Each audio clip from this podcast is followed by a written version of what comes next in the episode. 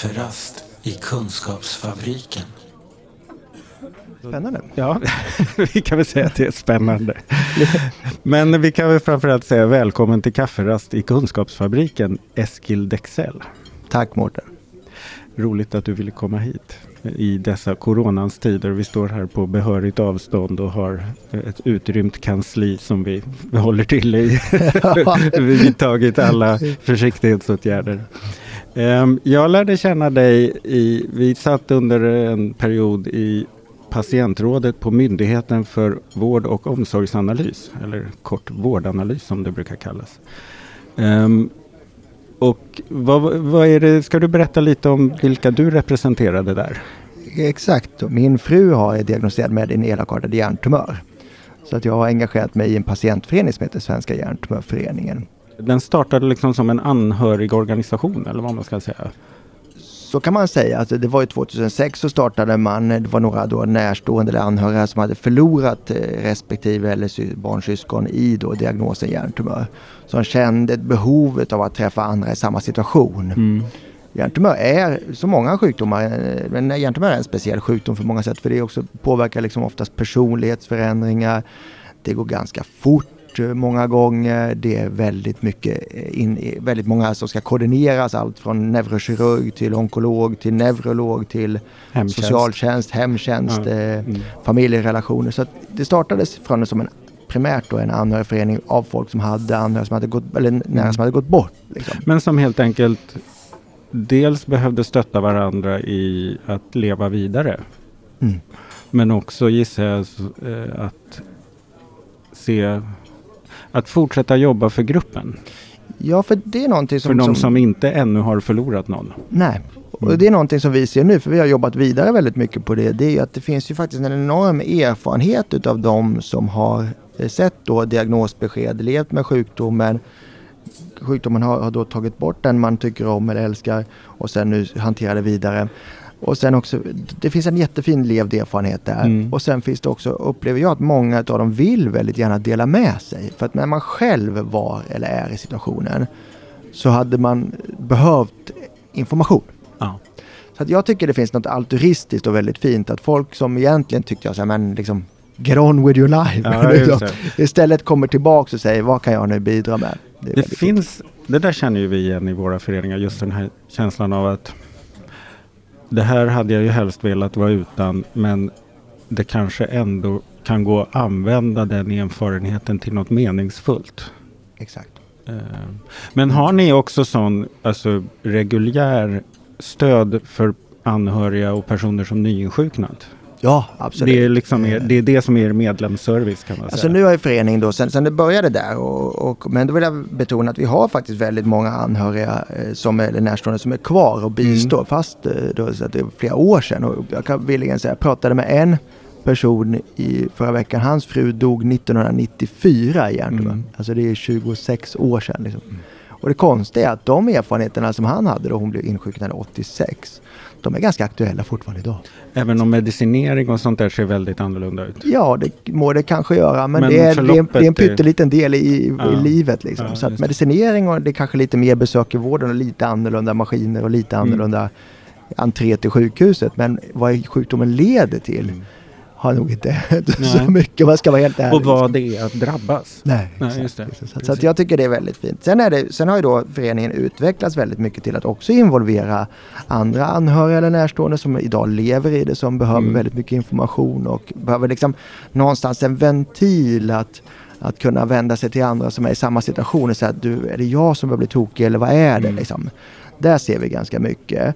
Och sen finns det nu, har det, är ju då med, med, även med hjärntumörer så har vi ju sett en, en, en, inte, vi ser inte en förlängd överlevnad har vi inte sett på, på, på väldigt lång tid. Mm. Men vi ser ju ändå att det finns ju folk som drabbas av godartade hjärntumörer, alltså grad 1 eller grad 2 och 3 som lever 10-15 år. Och lever ganska gott? Ja, Eller? det är en definitionsfråga skulle jag säga. liksom, men, men, men, och jag ska villigen säga att det där har jag också lärt mig väldigt mycket. Att leva gott, vem avgör det? Mm. Liksom? Jag träffar faktiskt folk som har, eh, man delar ju in cancerdiagnoser i grad 1, 2, 3, 4 för att se egentligen hur snabbt de växer. Och jag träffar folk som har grad 4 tumörer som, som vården och alla skulle säga det här är, oj vad hemskt det här är. Mm. Liksom. Men jag träffar folk som säger att det bästa som har hänt de är hjärntumörer. För de har tänkt om och ställt om livet. Så att det här med att leva gott är ju återigen i betraktarens ögon. Liksom. Mm. Vem, är det som Mm. bestämmer det? Det där är ju på tal om det här med själverfarna kunskaper. Exakt, Alltså det är exakt. det där som vården på något sätt in, har så svårt att hantera. Att, att människor fortsätter att vara människor i sina sjukdomar. Och det kan hända fantastiska, både svåra och bra saker Mm. i det som vården har ett väldigt typiskt vårdperspektiv på bara. Mm. Och där har jag ju, tror jag, vi har bollat mycket också. Att hur, hur kan vi bli bättre i framtiden på att ta tillvara på hur folk har tänkt, känt Mm. och löst eller inte löst sina liv. Liksom. Hur fångar vi in det? Liksom? Mm. Och, och jag slås ju väldigt mycket av det. Nu, nu så ska vi omorganisera vården. Det kommer vi göra till, till så länge vi lever troligtvis. Mm. Och nu ska man satsa väldigt mycket på det som kallas för kunskapsstyrning. Och nere i psykiatrin eller inom ert område läggs Mm. enorma resurser på Mm. kunskapsstyrning. Och vi i cancer har ju lagt enorma resurser med de här regionala cancercentren som har varit väldigt av godo. Liksom. Mm. Att vi nu satsar på att lägga alla de här resurserna på en bättre kunskapsstyrning. Men nu tror jag det också börjar bli moget och läge för att vi traditionellt sett så är det ju kunskapen som kommer från vetenskapen, hur vi publicerar artiklar och hur vi kommer fram. Eller man säger då beprövade erfarenheter. Kvalitetsregistren. Kvalitetsregister eller beprövade erfarenheter från läkare ofta som träffar Mm. många patienter. Men all den här beprövade erfarenheten som vi patienter och närstående besitter, när, när ska den in i kunskapsstyrningen på riktigt? Liksom? Mm. Och, och där tror jag att där är min uppfattning att det är inte en, en diagnosdel utan det är nog en, en mer persondel. Att man hittar några organisationer eller föreningar eller in, individer som vill vara med nu och se till att i den här omställningen med kunskapsstyrningen att vi får vara med.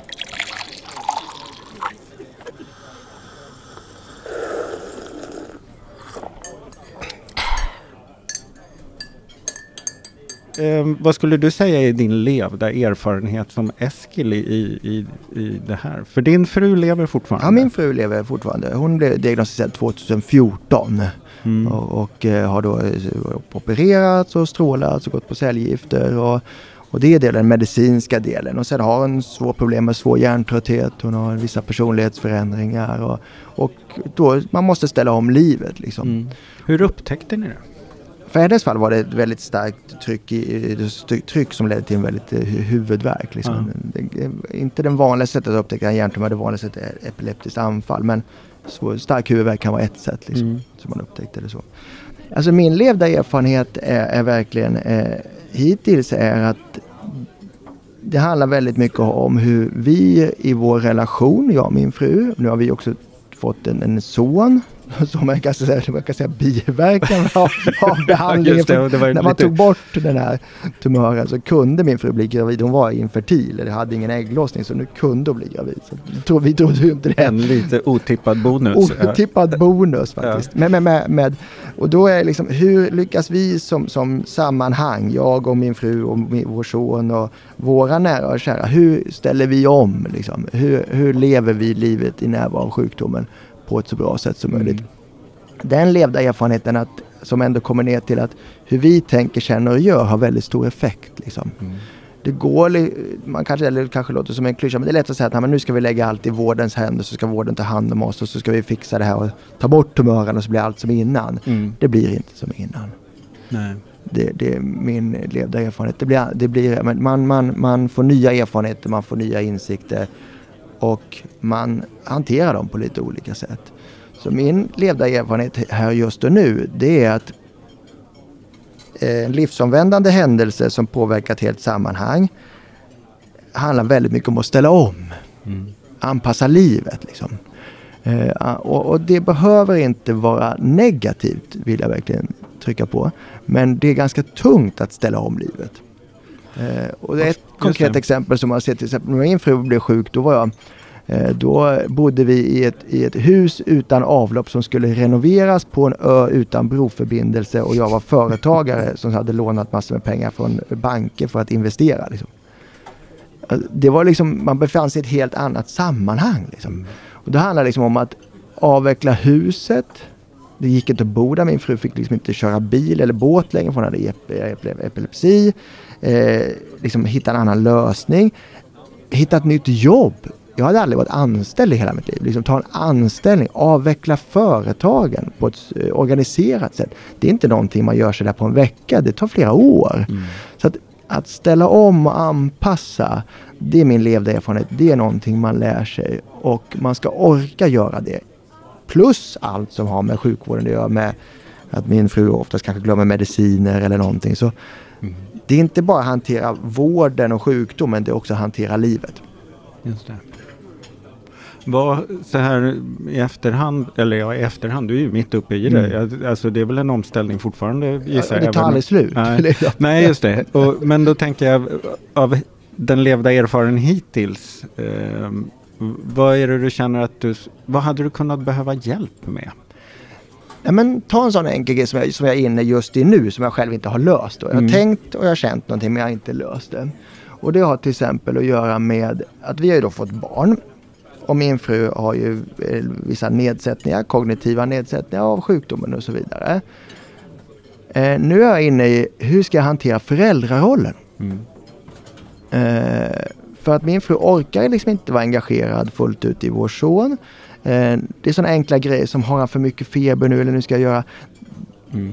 Innan var vi, ja, vi har aldrig, men nu jag känner jag verkligen att jag är ensam i föräldrarollen där lite.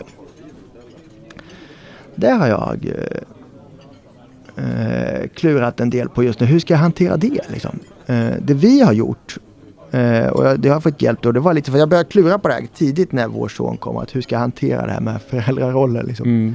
Eh, och, och det kanske bara jag, men jag upplever också när jag pratar med andra att fler har liksom, hur hanterar man även föräldrarollen när någon blir sjuk. Mm. Och då så var jag ju på då kommunen, vi har ju då hjälp från kommunen med min fru har så boendestöd heter mm. det. Liksom. Och, och uh, fanns det någon hjälp där och jag var liksom inne på skulle vi kunna få liksom en stödfamilj liksom. Men det var vår kommun eller vår stadsdel väldigt negativ. Nej men du klarar det, du har ju faktiskt, du är pigg och du är frisk och du har ett jobb liksom. Men då tog jag upp det där på jobbet. Jag började prata lite så här, men jag håller på med det här, jag vet inte hur jag ska lösa det. Och kors i taket, bara att jag tog upp det där på jobbet så kom det en kollega till mig efter jul var det här för drygt ett år, ett år nästan två år sedan då. Och sa, du vi har klurat hemma i vår familj. Vi vill gärna bli stödfamilj. Schysst. Och det tror jag liksom om, om man en levd erfarenhet, om man liksom börjar tänka och klura hur man ska göra det och är lite öppen med det där. Då kan det komma hjälp från alla håll som man inte har någon aning om. Liksom.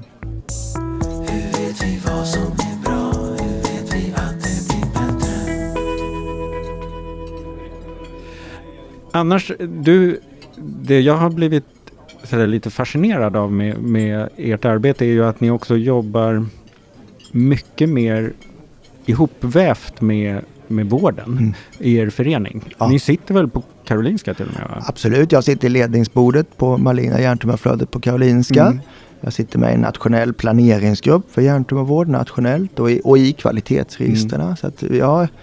Och då representerar du föreningen där? Ja, ja absolut. absolut. Um, vad har ni lyckats åstadkomma där och vad ser du för utvecklingsmöjligheter?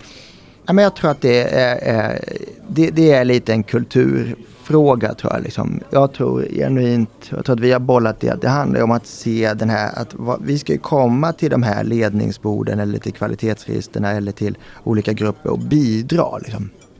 Eh, och vad min upplevelse är att från början var det just som jag tror många upplever att man engagerar sig, att ja, men, man är där för att någon har sagt åt att vi ska vara där. Liksom. Men ganska snabbt så har vi i alla fall fått till en kultur att vi eh, värderar ju olika perspektiv helt plötsligt. Mm. Liksom. Så att jag sitter ju inte i, på Karolinska och diskuterar vilken ny slang neurokirurgen ska ha för att operera. Jag vet inte ens liksom, hur det funkar. Liksom. Utan då kommer vi med olika perspektiv.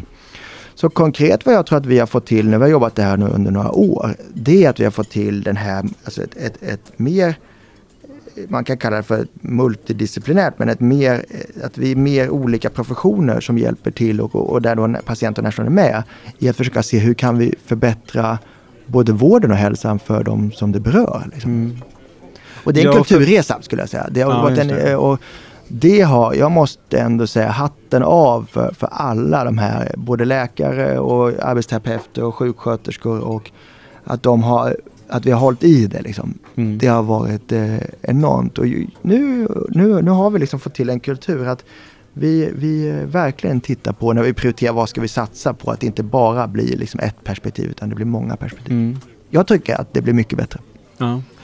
Um, Du nämnde kvalitetsregister. Det finns ju några sådana på psykiatriområdet också som eh, funkar sådär får man väl säga. Det är rätt mm. låg rapporteringsgrad och sådär. Hur ser era kvalitetsregister ut i, i hjärntumörsnischen?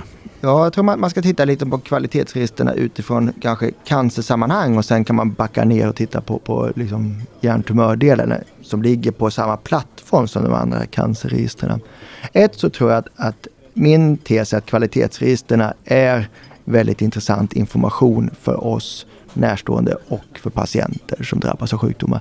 Jag tror att man måste förstå att vi, det finns väldigt mycket intressant information att hämta där för oss. Inte liksom primärt information till hur lång tid tar det innan vi får operation eller hur lång tid tar det som, som man framstår i, i, i media utan faktiskt förstå vad blir effekten av de här sjukdomarna. Att försöka följa dem mm. på lång sikt. Liksom. Och kunna skaffa sig en egen bild av åtminstone kanske den närmaste framtiden. Ja. Att om jag får den här insatsen så brukar det kunna leda till det här. Ja, eller mm. folk som har fått den här behandlingen efter tre månader har de mått så här och efter mm. ett år har de mått så här. Det är väldigt intressant information för att vi ska veta det tror jag att när man inför, nu är vi kanske nu är vi kanske lite lika er i psykiatrin. Vi har inte jättemycket saker att göra för hjärntumör. Vi har inte liksom kommit med massor med nya läkemedel eller massor med nya behandlingar. Men det kommer lite nya grejer. Och då är det utfört på liksom en, en studie med en kontrollerad grupp med absolut de piggaste. Eh, när man nu inför det här mm. så är det väldigt intressant att se vad blev faktiskt resultatet. Mm. Liksom.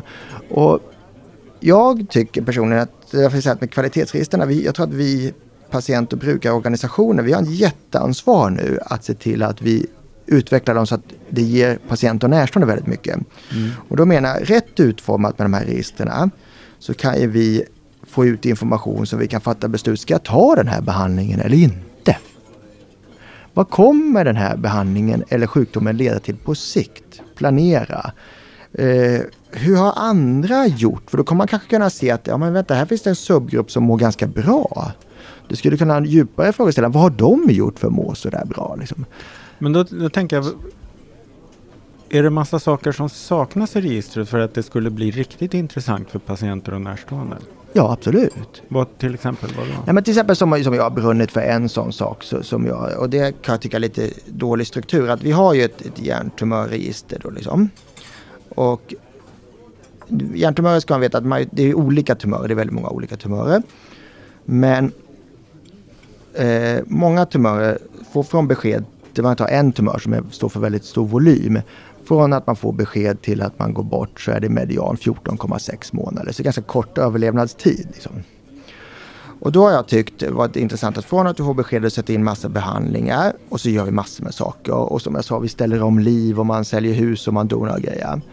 Här har vi en ganska intressant att samla in till exempel i kvalitetsregistren. Hur upplever de efterlevande?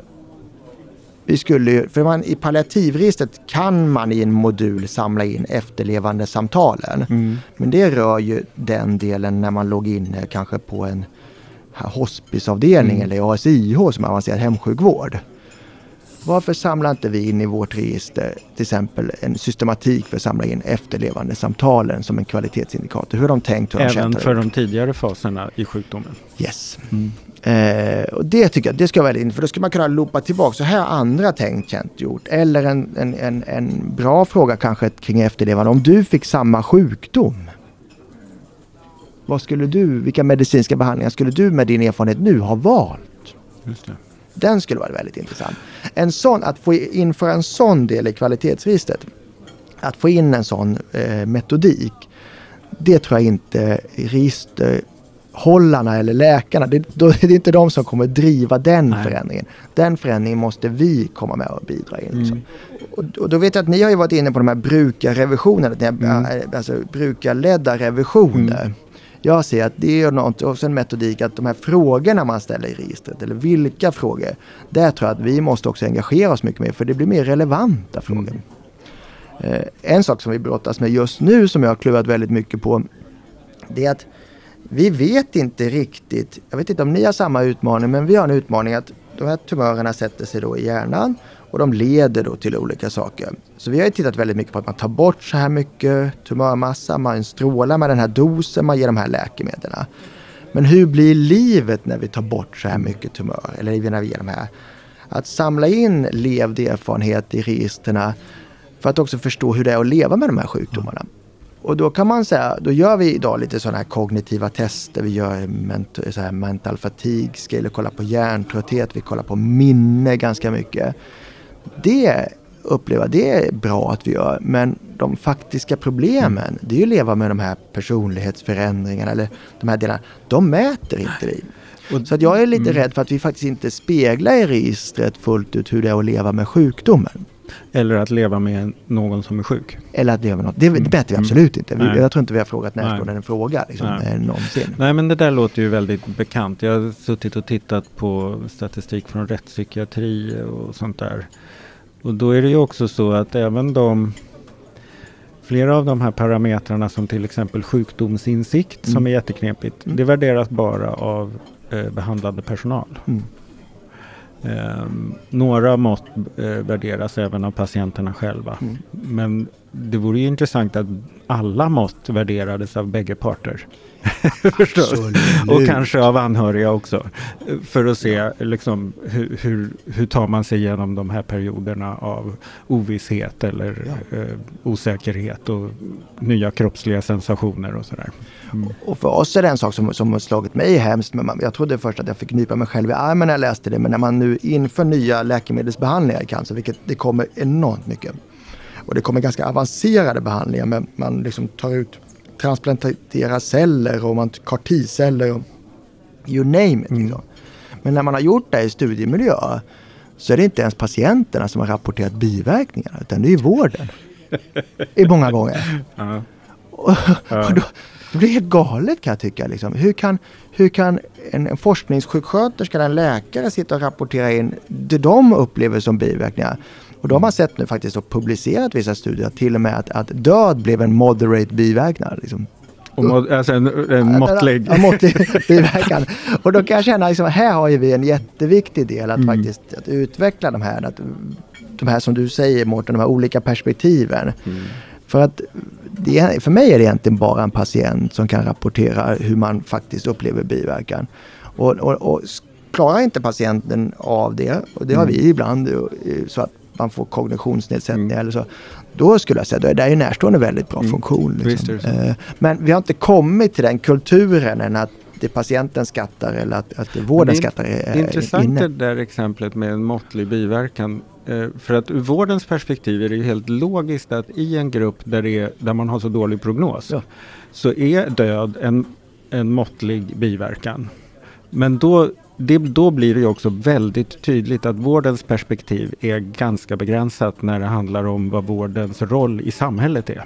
Mm. Och vad vårdens roll för människor är. Mm. Det var en intressant insikt. Alltså, jag, nej, men där, där, där, blir det verkligen tydligt. Ja. Och jag kan se nu till exempel, det finns i, nu är inte det här hjärntumör, det är en annan cancerdiagnos där man inför sådana här CAR T-cellbehandlingar.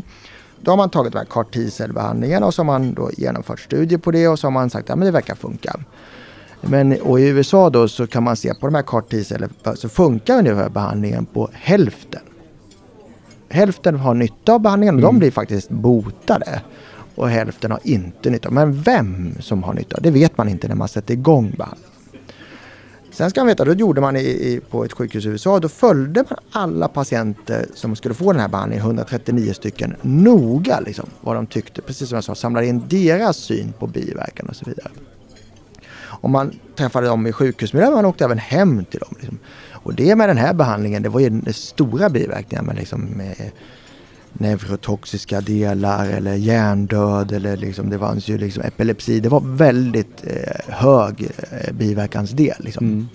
Och det som var intressant som slog mig då att när man frågade de här patienterna, som, de som bara fick biverkan, de var ju... Ja, Inte så nöjda efteråt. Ja, men, å andra sidan var det, okej okay, vi gjorde någonting, vi provade ja. så det gav ett halmstrå. Så de tyckte mm. ändå att de var glada för det. Men av de som blev botade så sa ändå 25 procent att hade jag vetat om de här biverkningarna, jag hade tackat nej till behandling. Mm. Trots att, det, Trots att den, den lyckades. Mm. Och det tycker jag är en väldigt mm. intressant grej. Att, att, hur kan vi också använda kvalitetsregisterna för att faktiskt fatta, som jag säger, då, bättre beslut mm. inför behandling. Då tror jag att vi kommer, vi kommer uh, använda dem mycket mer. Liksom. Mm. Och då blir de ett beslutsstöd inför behandling.